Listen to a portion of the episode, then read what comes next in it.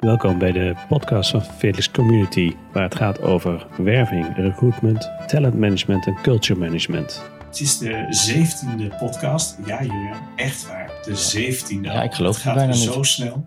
Maar Julian, vertel ons, waar ga je ons mee eh, verblijden vandaag?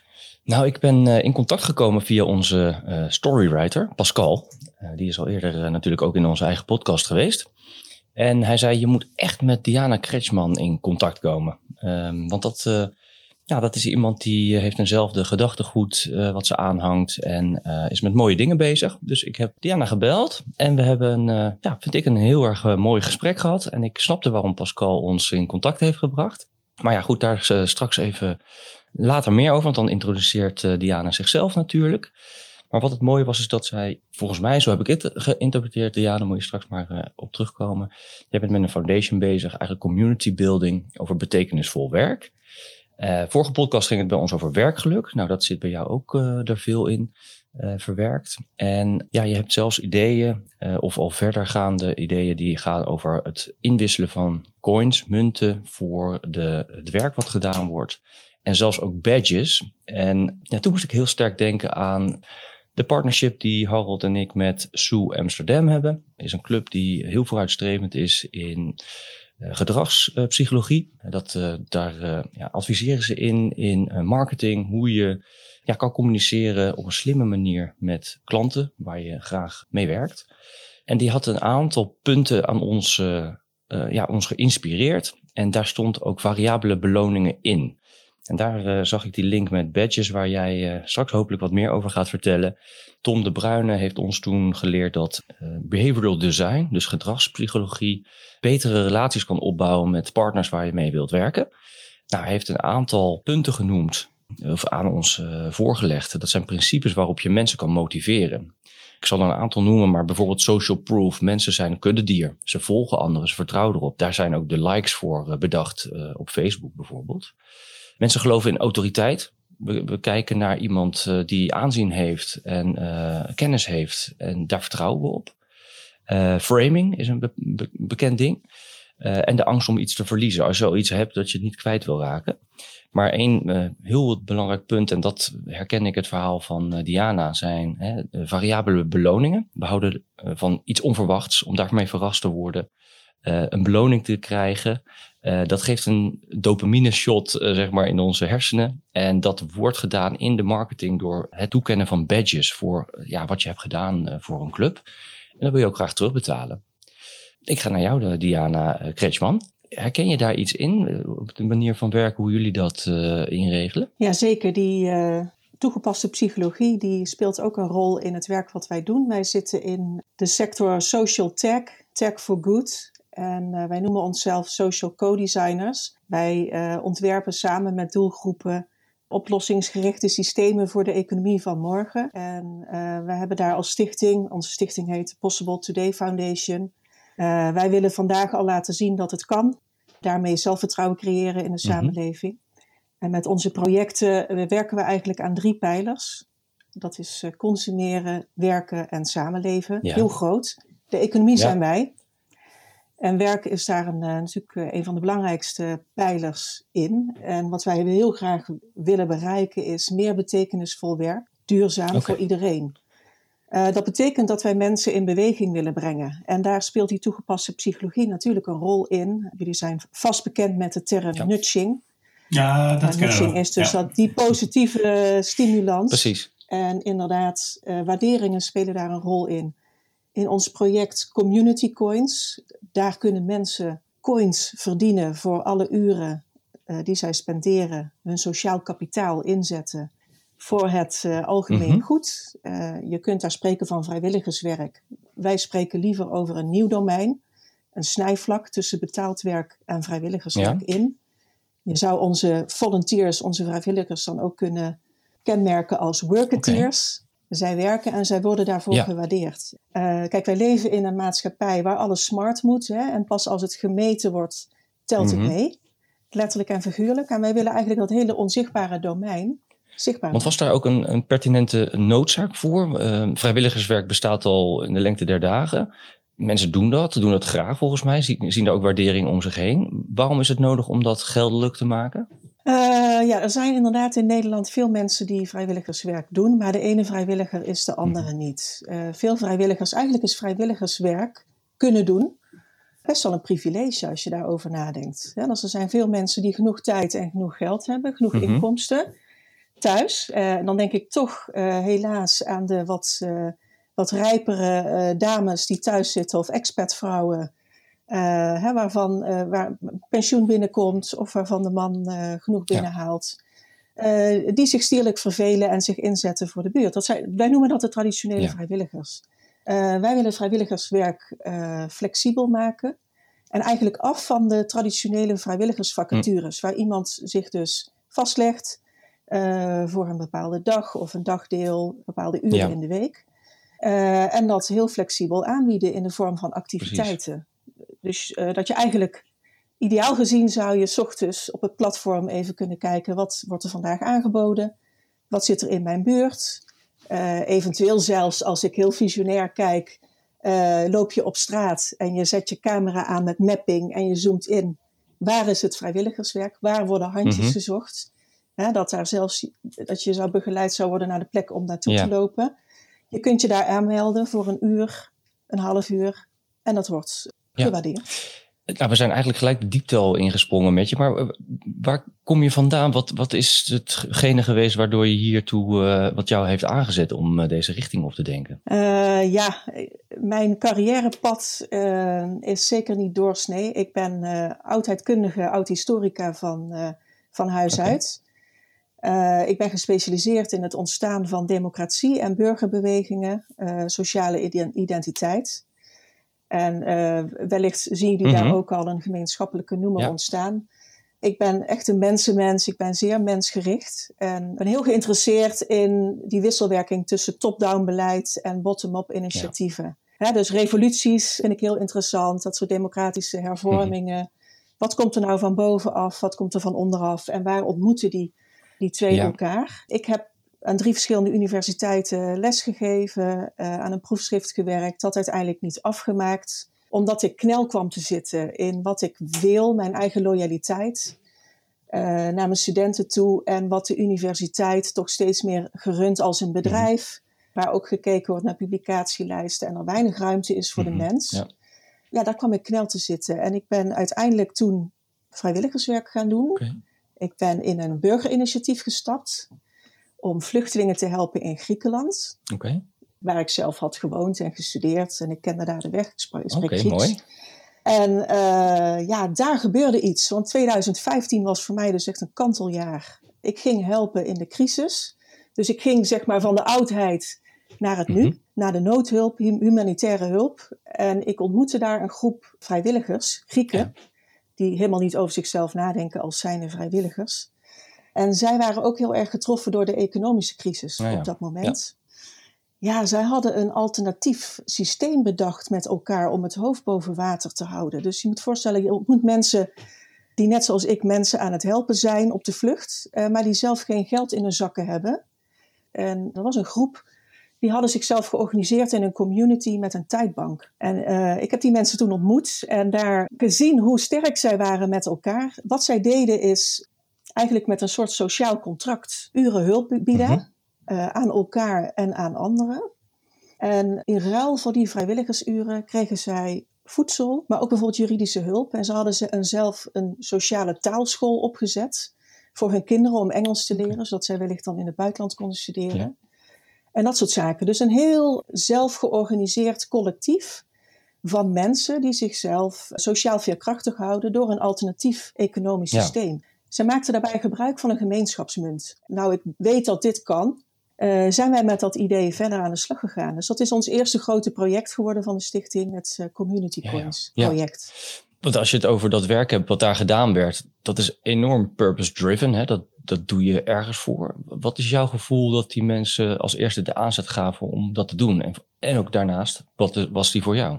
Die club mensen ja, om te helpen. Je moet, je moet begrijpen dat in de Grieks, Griekse geschiedenis, uh, na de val van Smyrna, en uh, hè, wanneer de Grieken aan het begin van de 20e eeuw uit Turkije verdreven worden, dat, dat zij zelf een migrantenachtergrond hebben, grotendeels. Er zijn heel veel Griekse families waarvan de jaja's, de oma's, zelf zijn gevlucht vanuit Turkije in 1922, 1923. Dus voor hen was het niet purpose-driven, dat doe je nou gewoon. En in Griekenland is, een, is ook een cultuur van philoxenia, hè, uh, gastvrijheid vanaf de oudheid. Uh, hè, ook als je Homerus leest, de Ilias en de Odyssee, speelt gastvrijheid uh, heel, een hele grote rol. En ja, dat zag je in die tijd zeker. Ja, ja. Voor mij was het op dat moment ja, een samenloop van omstandigheden. Ik liep hier door de straat uh, en bij mij was in de straat staat een hele grote kerk. Dat was een inzamelpunt mhm. voor, die, uh, voor het burgerinitiatief. Ja, daar stond hulpkaravaan naar Griekenland. Ja, Griekenland, ik, heb, ik zeg wel eens gekscherend dat ik een Grieks mhm. hart heb en een Griekse mhm. ziel. Uh, ik weet niet precies hoe dat zit. Maar, dat voelt zo. Ja, daar moet ik maar mee zien te leven, want dat heeft ook een hoop melancholie op af en toe. Maar goed, ik werd nieuwsgierig. Ik stapte naar binnen en van de ene ontmoeting kwam de ander. Eigenlijk binnen een paar weken was ik woordvoerder van dat initiatief. En uh, leidde ik mee de logistiek van een aantal zeecontainers. Uiteindelijk werden dat er veertien. Naar de Griekse havens. Dus ja, iets, iets wat purpose-driven. Je voelt dat het belangrijk is. Voor mij zijn die mensen centraal. Dus ik herkende eh, vrij snel van dit is een crisis. Die heb ik nog nooit gezien. Die rolt over een, ja, eigenlijk mijn lievelingsland mhm. ter wereld. En ik moet wel doen.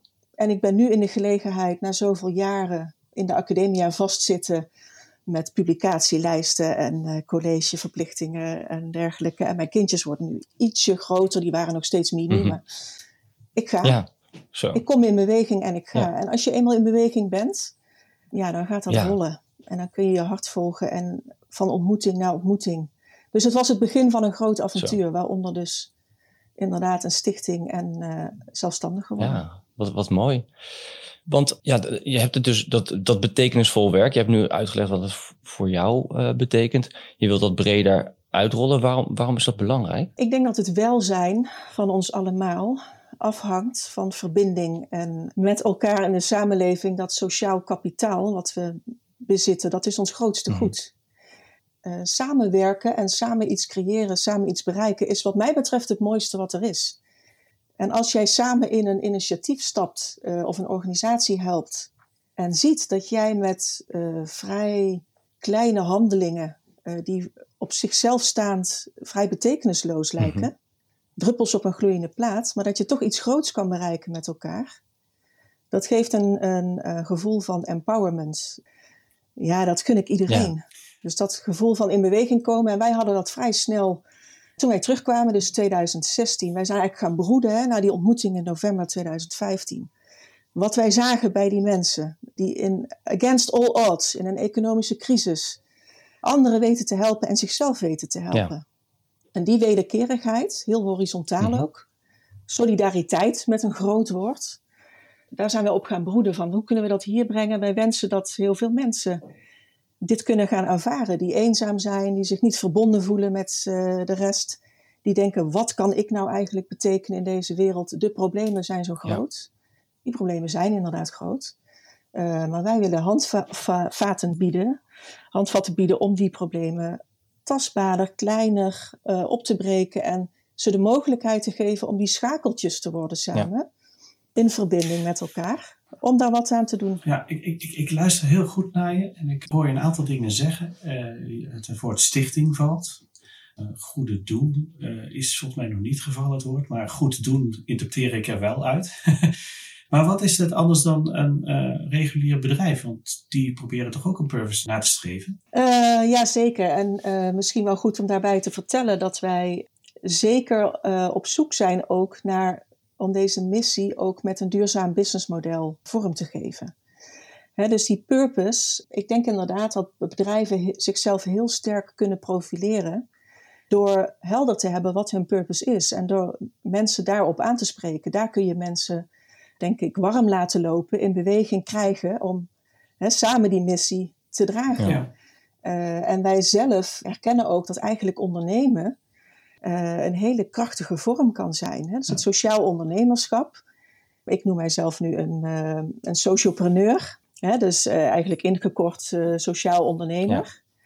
Ik denk dat dat een hele krachtige tool kan zijn om eigenlijk ja, een soort van activist te zijn. Dus een, een purpose, een missie. Ja, een missie te werken op de wereld. Activist gaat dan denk ik weer iets, iets verder, maar kijk... Ja, dan denk je aan degene die schreeuwt. Precies, hè, ja, en dat, is, dat hoeft niet altijd, hè? Zeker niet, zeker niet. Ik denk dat in beweging komen is al een vorm van activisme. Iedere dag werken aan een, aan een missie is wat anders dan uh, als een zombie van 9 tot 5 op kantoor te zetten, zitten en denken van nou het zal mijn tijd wel duren. Uh, ik kan mijn hypotheek betalen, ik kan twee keer per jaar op vakantie. Ik heb een niet al te lelijke vrouw en mijn kinderen doen het goed op school. Dat kan ook, als je daarvoor kiest. Prima. Nou, je zet ze nu wel echt weg, weg zeg. nou, helemaal prima vind je het niet. Nee, er is iemand die verstand van framing heeft. Ja, precies. ja. Maar, uh, nee, maar wat ik wel heel, wat ik, wat ik zelf ook ervaar is, uh, als je met bedrijven praat, maar ook met mensen praat die wat voor elkaar willen krijgen, dan uh, zeg je ja, dat, dat doen we dan als een goed doel. Dan zeg ik ja, je bent eigenlijk het economisch model onderuit aan het halen, want je wil gewoon goedkope werknemers hebben om iets te bereiken. Dat kan net zo goed als een, als, als een normaal bedrijf, als ik even het woord normaal in die context gebruik. En dan zeggen ze, ja, nee, dat kan niet, want dan verliezen we onze mensen. Ik zeg, nee, waarom? Je mag toch best een gezond businessmodel hebben en een verdienmodel, terwijl je een sociaal doel nastreeft. Maar dat zit blijkbaar tussen de mensen de oren zo ver nog uit elkaar. Je mag geen geld verdienen aan goede dingen doen. Nou, ik, ik, ik, ik vind dat raar. Gelukkig is dat aan het veranderen. En van mij heb jij iets nu in, in handen wat dat best wel zou kunnen gaan worden. Dat dat ondernemer met een sociaal karakter, uh, waar ook een financiële stroom doorheen gaat. Want dan kun je ook laten zien dat het, uh, dat het kan blijven bestaan. Ik denk dat dat heel belangrijk is. Hoe kijk je daar tegenaan? Ja, ik, ik geloof daar zeker in. En uh, misschien kan ik wat vertellen over onze toekomstperspectieven. en waar wij nu op dit moment mee bezig zijn. Dus we hebben onze eerste pilot met die community coins afgerond. Samen met een aantal ja, stakeholders en uh, consortiumpartners hebben dat in Eindhoven samen gedaan. Dus met een hogeschool, Pontus Hogescholen en uh, samen met een andere stichting. Wij zijn nu bezig uh, met het doorontwikkelen van dat platform en willen daar heel graag een volgende tool bij, een prototype ontwikkelen. En dat is het sociaal CV. En daar komen we inderdaad in het domein van de badges en de toegevoegde waarde. Ja. want naast het in kaart brengen van al die uren, is het uh, volgens mij heel interessant om die uren gestapeld weer te geven. Je zou eigenlijk, ik probeer het uh, vaak simpel uit te leggen als een soort knikkerbak. Al die vlieguren, al die airmiles die jij hebt sociaal gezien, uh, als je die door een intelligente tool laat uitsorteren, dan ontstaat er eigenlijk een profiel van wie jij bent, wat, jou, wat jouw vlieguren zijn en wat dat zegt over jou. -hmm. En dat uh, gaan we nu verder ontwikkelen samen met een stichting, Eindhovense stichting Bits of Help. Uh, daar zijn een aantal data- en IT-bedrijven bij aangesloten. En zij helpen ons uh, non-profit met het doorontwikkelen van die tool. Daar, ehm, de kick-off is deze week. jullie hebben eigenlijk de primeur. Joepie. Dus misschien wel leuk om te weten. Mooi. Ding, ding, ding. Ja, daar gaat een, um, ze hebben echt um, een, een afstudeerder daarop geworven. Dus die gaat uh, onder volledige begeleiding van de ICT-groep, uh, een van de oudste IT-bedrijven, ik denk de oudste in Nederland, gaat daarmee aan de slag. En het idee is dat hij in juni een prototype heeft staan. Dat is een spannende tijd voor ons. het idee is dus dat je dan straks op basis van je, van je uren, dus van die eigenlijk de community coins zijn dragers, het zit op blockchain. Mm -hmm. Dus we hebben daar een hele database met data die je kan ja, eigenlijk met een druk op de knop zou kunnen uitrollen. En daar uh, met ja, een intelligent systeem, we hebben het dan over AI natuurlijk, als al ware het een soort van algoritme, een profiel kan creëren van iemand. Het mooie zou zijn volgens mij dat je dan uh, in een soort van visualisatie kan laten zien wat je gedaan hebt, wat jouw profiel is. Dus in, de in een combinatie met uh, een set van competenties, soft skills, een ontwikkelpad, ja, en dan wordt het meten wel heel erg leuk, hè? Ja. Om dat dan zo te visualiseren. Ja, ik, ik zie de En ik denk dat van, we daar wel de markt mee op kunnen, als dat inderdaad gaat werken. Wat ons perspectief is, dan hebben we het heel erg over governance, hè, eigenaarschap. Zijn wij dan het zoveelste databedrijf wat uh, aan de data van mensen wil verdienen? Dat zijn wij niet. Uh, nee. Maar wat wij wel heel graag willen zijn, is die schakel, dus uh, eigenlijk faciliteren waarbij wij zelf financieel gezond moeten zijn, natuurlijk. Anders kunnen wij dit niet blijven doen. Er zit al veel uh, nou ja, bloed, zweet en tranen en uh, heel wat uurtjes van ons zit hierin. Ja. Als we dit in de lengte van dagen willen doorontwikkelen, ja, dan zal daar ook wat tegenover moeten staan. Maar wij, ik, ja, ik hoef niet per se in een Tesla te rijden of uh, vrijstaan te wonen. Dus prima die governance, die, wij zoeken dat heel erg in de eigenaarschap van de data van, uh, van de gebruikers zelf. Ik denk dat de minister van Financiën, die zit al helemaal te popen. Want jullie hebben het over, uh, over coins die uitgedeeld worden aan mensen die werk hebben gedaan. Vervolgens wordt het ook nog gewaardeerd en samengevat. Met andere woorden, ik zie, ik, zie, ik zie de aanslag al komen voor de sociale premie. Van, goh, je heeft mensen in dienst gehad die hebben gewerkt voor zoveel uur dit jaar. Ah, het minimumtarief uh, of minimum salaris. Dus wilt u eventjes de sociale premie betalen? Hoe los je dat op? Het is wel goed om te weten dat die coins dat die geen eurowaarde of geen standaard valutawaarde verkondigen. Ja, dat, nog niet, totdat de Belastingdienst zegt wat is het wel. Ja, uh, nou wij werken daarvoor ook nauw samen met grote alternatieve koepelorganisatie voor gemeenschapsmunten in België. Die de Belgen hebben hier heel veel ervaring mee. Uh, ik denk meer dan, uh, dan wij in Nederland. En zij hebben weliswaar een ander fiscaal systeem, maar zijn in in nauw contact ook met uh, de Nationale Bank in, uh, in België. En ja, in mei ben ik of fysiek of online op een congres in Mannheim in Duitsland. En dat gaat dan ook over sociale economie en dit soort oplossingen en ook de juridische aspecten daarvan. Ik denk dat de meerwaarde, het moet duidelijk zijn, en daarom is natuurlijk de overheid en lokale overheden zijn belangrijke stakeholders. Ja. Het moet duidelijk zijn wat de meerwaarde hiervan is en dat je mensen uh, voor mensen dus de drempels moet verlagen. Zodat ze die meerwaarde kunnen creëren voor ons allemaal. Want we hebben allemaal baat bij een verbonden samenleving. Uh, waarin mensen samenwerken aan uh, gemeenschappelijk welzijn. En dat je mensen daar niet voor moet afstraffen. Dus daar, dat, daar zit inderdaad een stukje lobby. Hè. Mochten daar misverstanden over bestaan, ja. Uh, dan is dat ook onderdeel van ons werk als stichting om die lobby heel duidelijk te voeren. Ja. Nou ja, ik, je hebt het over badges, beloningen, community. Uh, wij zijn ook heel druk bezig met hoe kunnen we de overheid helpen uh, dat ze kunnen luisteren, maar ook een systeem kunnen aanpassen aan wat er in de wereld gebeurt. Hoe kunnen juridische wetten niet altijd achterlopen? Ja, je zult ze nooit voor kunnen laten lopen, maar zich aanpassen aan dit soort ontwikkelingen. Door on-conference te organiseren en daarover na te denken en oplossingen te verzinnen. Ik vind het heel interessant uh, om te kijken. En ja, ik ben er zelf ook zelf ook mee bezig om te kijken hoe dat werkt hoor. Hoe kun je de mensen, de, de overheid belonen, badges geven, als ze dit soort dingen stimuleren zodat mensen, de burger ook ziet van, ja, dit zijn wel burgerinitiatieven. Maar de overheid snapt wel wat er gebeurt en die doen daar ook wat mee. Die ondersteunen het. Het is zo, vaak zo onzichtbaar. Ik, ik roep ja. expres de minister van Financiën, want hè, dan gaan we bestraffen. Nee, hoe kunnen ze het sterker maken? Hoe kunnen ze het helpen? Nou, ik denk dat uh, de overheid en zeker lokale overheden belanghebbenden zijn. Ja, dus ik spreek uh, over stakeholders. Um, de sociale cv's, de individuele rapporten, dat zijn eigenlijk individuele impact rapporten. En je moet eigenlijk die community coins zien als een social impact currency. Die meten, die houden bij wat je gedaan hebt. En je kunt er dan in een netwerk, eigenlijk in een lokaal ecosysteem van winkeliers en uh, bedrijven uh, met kortingen producten krijgen of uh, toegang krijgen tot bepaalde diensten. Zeg bijvoorbeeld trainingen. Ja. Hè, Fontes zegt van we maken voor voor mensen bepaalde trainingen beschikbaar, die zoveel uren vrijwilligerswerk hebben gedaan. En dan met het sociaal cv kunnen we daar een verhaal over vertellen voor de individuele gebruiker. Maar we kunnen dat ook doen voor lokale organisaties, mm-hmm. waar vrijwilligerswerk plaatsvindt.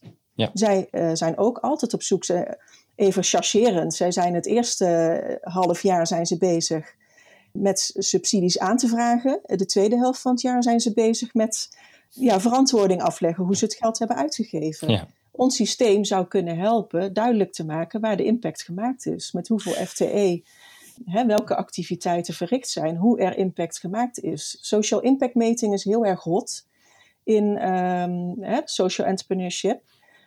Hoe laat je nou zien dat je inderdaad effect hebt met wat ja, je allemaal beoogt? En dat geldt ook voor lokale overheden. Dus als je dat verhaal van die coins, die hele gemeenschap, uh, ook over de hele, de hele scala, het hele spectrum uh, trekt, kun je zien hoe burgerparticipatie in een gemeente werkt. Kijk, het, de zwakke schakel is natuurlijk wel, je moet dat, dus die coins, je moet uh, zorgen dat iedereen op dat platform komt. En zorgen dat dat allemaal gemeten wordt. Dat is wel. Maar dat kan natuurlijk vanuit overheidswegen gezegd worden. We kunnen, ja, het zou toch hartstikke mooi zijn zeggen: nou beste, beste UNICEF of beste Rode Kruis, leuk dat u er bent. Maar uh, u werkt wel op dat platform, wel dan kunnen we dan bekijken en ook bepalen hoe effectief bent u geweest, hoeveel participatie heeft u überhaupt bereikt. En dan kunnen we ook, nou ja, weer een CFO-term return on investment bekijken. Van, heeft het ook bijgedragen aan maatschappelijke uh, ontwikkeling? Ja. Want dat, dat, dat, elke ja. organisatie heeft zo langzamerhand zijn eigen systeempje daarvoor om te laten zien hoe geweldig ze zijn. Dan kom je natuurlijk wel op het gebied van top-down en bottom-up, waar een heel belangrijk spanningsveld zit. Wij zouden het heel prettig vinden als mensen vrijwillig kunnen deelnemen aan het platform. Als je daarmee organisaties nudgt van hé, hey, daar zit voor jullie ook een belang in en wij als overheid willen dit vooral stimuleren. Verplicht stellen lijkt me, ja, dan, dan I'm, I'm out. Dat, uh, dat is niet hoe wij te werk gaan. Maar ik denk dat de overheid zeker zou kunnen stimuleren. Ja, ja zou kunnen zeggen van, hé, hey, 1 plus 1 is 3, als jullie hier aan meedoet, doen. Ja. Dan zien wij dat echt als meerwaarde en dan maken jullie transparant uh, wat jullie aan, uh, ja, wat, je, wat jullie bereiken, wat jullie impact is. Ja, kijk, dat is natuurlijk het leuke van nudging. Je kunt ook zeggen, nou, je krijgt gewoon een basissubsidie elk jaar. En als je extra dingen kunt laten zien, krijg je meer. Ik bedoel, dat, hey, je hoeft niet het verplicht te stellen, maar je kunt wel zeggen van, nou, wij, wij, wij stimuleren je tot die extra push-up te doen. Want dan krijg je een kaartje voor de Efteling. Ik zeg maar wat. Hè? Stop met roken. en dan krijg je... ja. en dat is ook nudging. Het, het, is natuurlijk zwart-wit. Het moet versus uh, helemaal bottom-up. Dat gaat vaak heel traag. Ja. Maar daar zit wel een vliegwiel-effect in. Eh, je kunt daarin combineren. Wat, wat nou, je zou denken aan een gemeentelijke subsidie, hè? Uh, waar natuurlijk heel veel papierwerk bij komt kijken om dat te verantwoorden. En als dat eenvoudiger zou kunnen, als de gemeente zegt: als jullie meedoen met het platform, dan kan dat papierwerk veel eenvoudiger. Ja. Want dan zien we, hè, als jullie dan voorleggen. Dat is ook een stimulans. Dat kan ook een stimulans zijn. Ja. Dus uh, volgend jaar maart kunnen we er allemaal gebruik van maken, zei het. Of dit jaar maart. Dit jaar maart al, hè? Nou, dat, uh, dat impliceert wel een, een, nationale uitrol waarvan ik mijn bedenkingen heb. Uh, dan hebben we het over community building. Want als we het over de pilot hebben, als we iets van de pilot hebben geleerd, dan is dat wel dat je echt uh, een betrokken gemeenschap moet hebben om dit te adopteren en dan hiermee te leren werken. En je kunt niet ervan uitgaan dat de techniek zo fantastisch is dat iedereen het zomaar gaat gebruiken. Ik snap dat heel veel developers denken, ik maak een schitterende app en dan gaat heel Nederland het gebruiken. Ja. Maar ik ken de voorbeelden die legio zijn dat uh, zo'n app op een plank belandt en uh, geen gebruikerscommunity heeft. Dus wij uh, doen dat liever in de vorm van heel hands-on met een gemeenschap verder. En hopelijk wordt dat dan binnen nou ja, een aantal jaar komt het dan beschikbaar voor meer mensen in Nederland. Ja, ik vind het heel interessant. Is, kijk, dat is eigenlijk ook wat we willen bereiken met Felix Community. We willen de recruitmentwereld veranderen een soort perverse prikkel eruit halen, het cv schuiven. Het gaat, om, het gaat om die mens die erachter zit. En laat die elkaar ontmoeten, kennis maken en met elkaar gaan samen dingen doen. En niet van ik heb iemand nodig die, die heel goed kan schrijven, tien jaar ervaring heeft in de financiële sector. Dat is allemaal zo irrelevant. Als jij een gedreven persoon hebt die toevallig uit de gezondheidszorg komt, maar heel goed financiële verslagen kan schrijven, waarom zou die dat dan niet kunnen doen of mogen doen? Dus ook daar zitten wij juist in die community gedachten. En we willen graag van ja, mensen zoals jij leren. Van uh, hoe kunnen we dat verbeteren, toegankelijker maken. En, uh, dus alle tips die je hebt uh, zijn welkom. Ja, en ik ben, ik ben ook nog even heel erg benieuwd naar het sociaal cv. Ik vind dat een prachtige terminologie. Want ja, wij, wij zien het cv wat de afgelopen decennia is gebruikt om iemand zogenaamd te leren kennen waarin eigenlijk alleen maar staat hoe lang iemand ergens heeft gewerkt, maar niet onder welke omstandigheden of hoe goed of hoe slecht heeft gepresteerd of heel goed durfde te falen om van te leren. Hè? Dat soort dingen wil je eigenlijk weten. Staat er niet, maar mensen worden wel op basis daarvan uitgenodigd om in contact te komen. Uh, zie je daar kansen voor het sociaal cv om dat ouderwetse cv te vervangen? Of het het ouderwetse cv helemaal zou kunnen vervangen, dat weet ik niet. Een oude en een nieuwe wereld kunnen best nog een tijdje naast elkaar bestaan. Ik denk dat het wel een belangrijke aanvulling is. Je ziet wereldwijd een beweging naar meer welzijnsdenken. Uh, Jacinda in Nieuw-Zeeland, uh, die toch op een hele andere manier de politiek bestiert. Ja, ik denk dat wij uh, in die beweging moet je ons zien. En ik denk dat dat sociaal kapitaal vanuit mensen uit, ja, om ze een instrument in handen te geven, om die weer meerwaarde, ja, om daar sociaal veerkrachtig van te kunnen worden. Ja. Ja, dat dat helemaal van deze tijd is. Dat is wat er nu nodig is. En om mensen ook dat zelfvertrouwen te geven.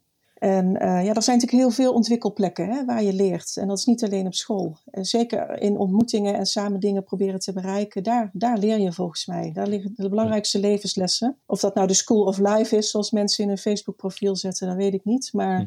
dat er heel veel domeinen zijn waar geleerd en ontwikkeld wordt, dat moeten we zichtbaar maken. Ja, precies. Nou ja, ik denk dat het is heel mooi dat je dat zegt, want we hebben het bewijs dat we die samenwerking nodig hebben om te leren. Want we hebben net kinderen vanaf uh, eh, 15 december opgesloten tot uh, gisteren. En je ziet ook dat de leraar, leervooruitgang, ja, ze, hebben misschien wel rekensommetjes gemaakt uh, en wat letters geleerd. Maar de sociale controle en het sociale leren wat je op school doet, dat is helemaal weggebleven. Dat, dat, dat, dat, dat, dat, dat explodeerde ook bijna. Dat, daar was zoveel behoefte naar. Dat, uh, dat was eerst, daar waren we nog niet bewust van. Dat onderschrijft met, wat je, met hoe je het aanpakt. Ja. ja. Ja, dan zie ik dat bij mijn zoon, die uh, zet dan zelf, die is tien en die zet zelfs een uh, Google Meets. Die communiceert dan, ik heb een code, hier is een sleutel. Als jullie mij willen zien in deze meet, gaan we samen aan het werk. En die organiseert dat gewoon. Ja, precies. Ja. Dus uh, die is niks tekort gekomen in die Be periode. Bepaalde vindingrijkheid. ja, ik zie juist een soort van klein ondernemertje opstaan. Die dat zelf wel even organiseert. En dat vind ik prachtig. Ja, dat is leuk om te dus zien. Dus kinderen willen leren en dan hou je niet tegen, hè? Dat, uh... Nee, maar ze moeten wel in staat zijn. Kijk, die kleine van zes jaar. Ja, dat is een ander FaceTime verhaal. en dat soort dingen. En ja. Ja, als ze eenmaal weten hoe dat werkt, gaan ze het, gaan ze het oppakken. Gaan ze zelf developer zijn. ja, precies. Ja. Dus uh, dat is heel leuk om te zien. hey, wat gaaf. Um, nou, we zitten al over het half uur heen. Uh, ja, uh, dit soort gesprekken gaan heel af. Hè? ik doe het maar. Ja. ja. Want, daar willen we ons altijd wel aan houden. Ja, we hebben enorm veel mooie dingen besproken. Ook weer een aantal deurtjes, denk ik, voor, voor later ook weer open ja. te, te zetten. Um, ik wil je enorm bedanken voor ja, je passievol uh, betoog en ja, mooie inzicht in waar je mee bezig bent. Ik ga je blijven volgen en ik hou graag de banden heel warm om uh, van je te blijven leren. Dus ja, hartstikke bedankt Diana. Graag gedaan, ja. eens gelijks. Laten we in gesprek blijven. Leuk. Ja, en uh, tot, de, tot de volgende podcast, want volgens mij hebben we nog genoeg te bespreken. Precies. Dat is heel mooi. Ja, nou, het komt er vervolg aan. Leuk. Jazeker. Ja, wat ons betreft wel. Oké. Okay. Dankjewel. Ja, dankjewel Diana. Eens gelijks.